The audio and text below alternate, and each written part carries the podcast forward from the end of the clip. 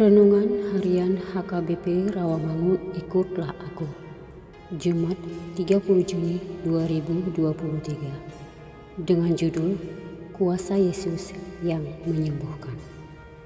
Bacaan kita pada pagi hari ini tertulis dalam 1 Raja-Raja pasal 18 ayat 1 hingga 15 Bacaan kita pada malam hari nanti tertulis dalam Injil Markus pasal 2 ayat 1 hingga 12.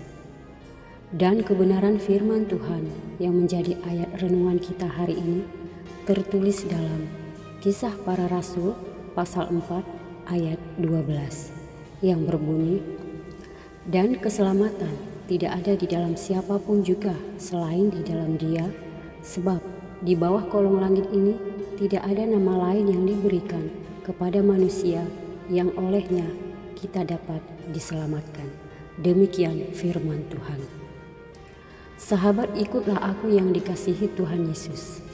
Dalam ayat 8, Petrus menjelaskan bahwa orang lumpuh disembuhkan oleh kuasa Yesus Kristus, orang Nazaret, yang telah disalibkan oleh orang-orang Yahudi yang telah dibuang oleh tukang-tukang bangunan, yaitu para imam itu sendiri tetapi dia telah bangkit dari antara orang mati, bahkan telah menjadi batu penjuru. Hal yang luar biasa dalam kesaksian Petrus, dia tidak menyaksikan dirinya sendiri, tetapi dia mengakui bahwa itu adalah kuasa dari Yesus Kristus. Ada banyak kesaksian yang kita sudah pernah dengar, namun sering kali kesaksian tersebut lebih menonjolkan diri sendiri.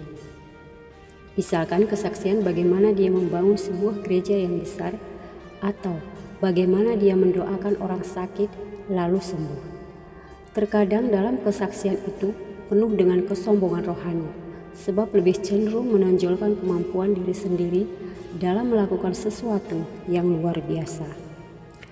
Kesaksian yang benar adalah ketika kita menyampaikan sesuatu yang sudah Tuhan lakukan dalam hidup kita dan kita menyadari sepenuhnya bahwa kita bukan siapa-siapa. Kita hanyalah ciptaan dan Dia penciptanya. Kita hanya alatnya dan Dia pengemudinya. Ada banyak orang-orang percaya meninggalkan Tuhan setelah mereka mengalami mujizat.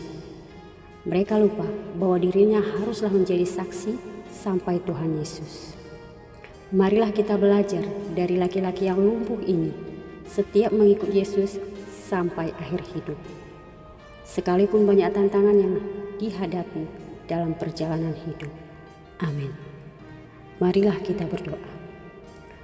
Tuhan Yesus Kristus, kiranya kuasamu yang kami andalkan dalam hidup kami, melalui kuasamu kami melihat mujizatmu. Amin.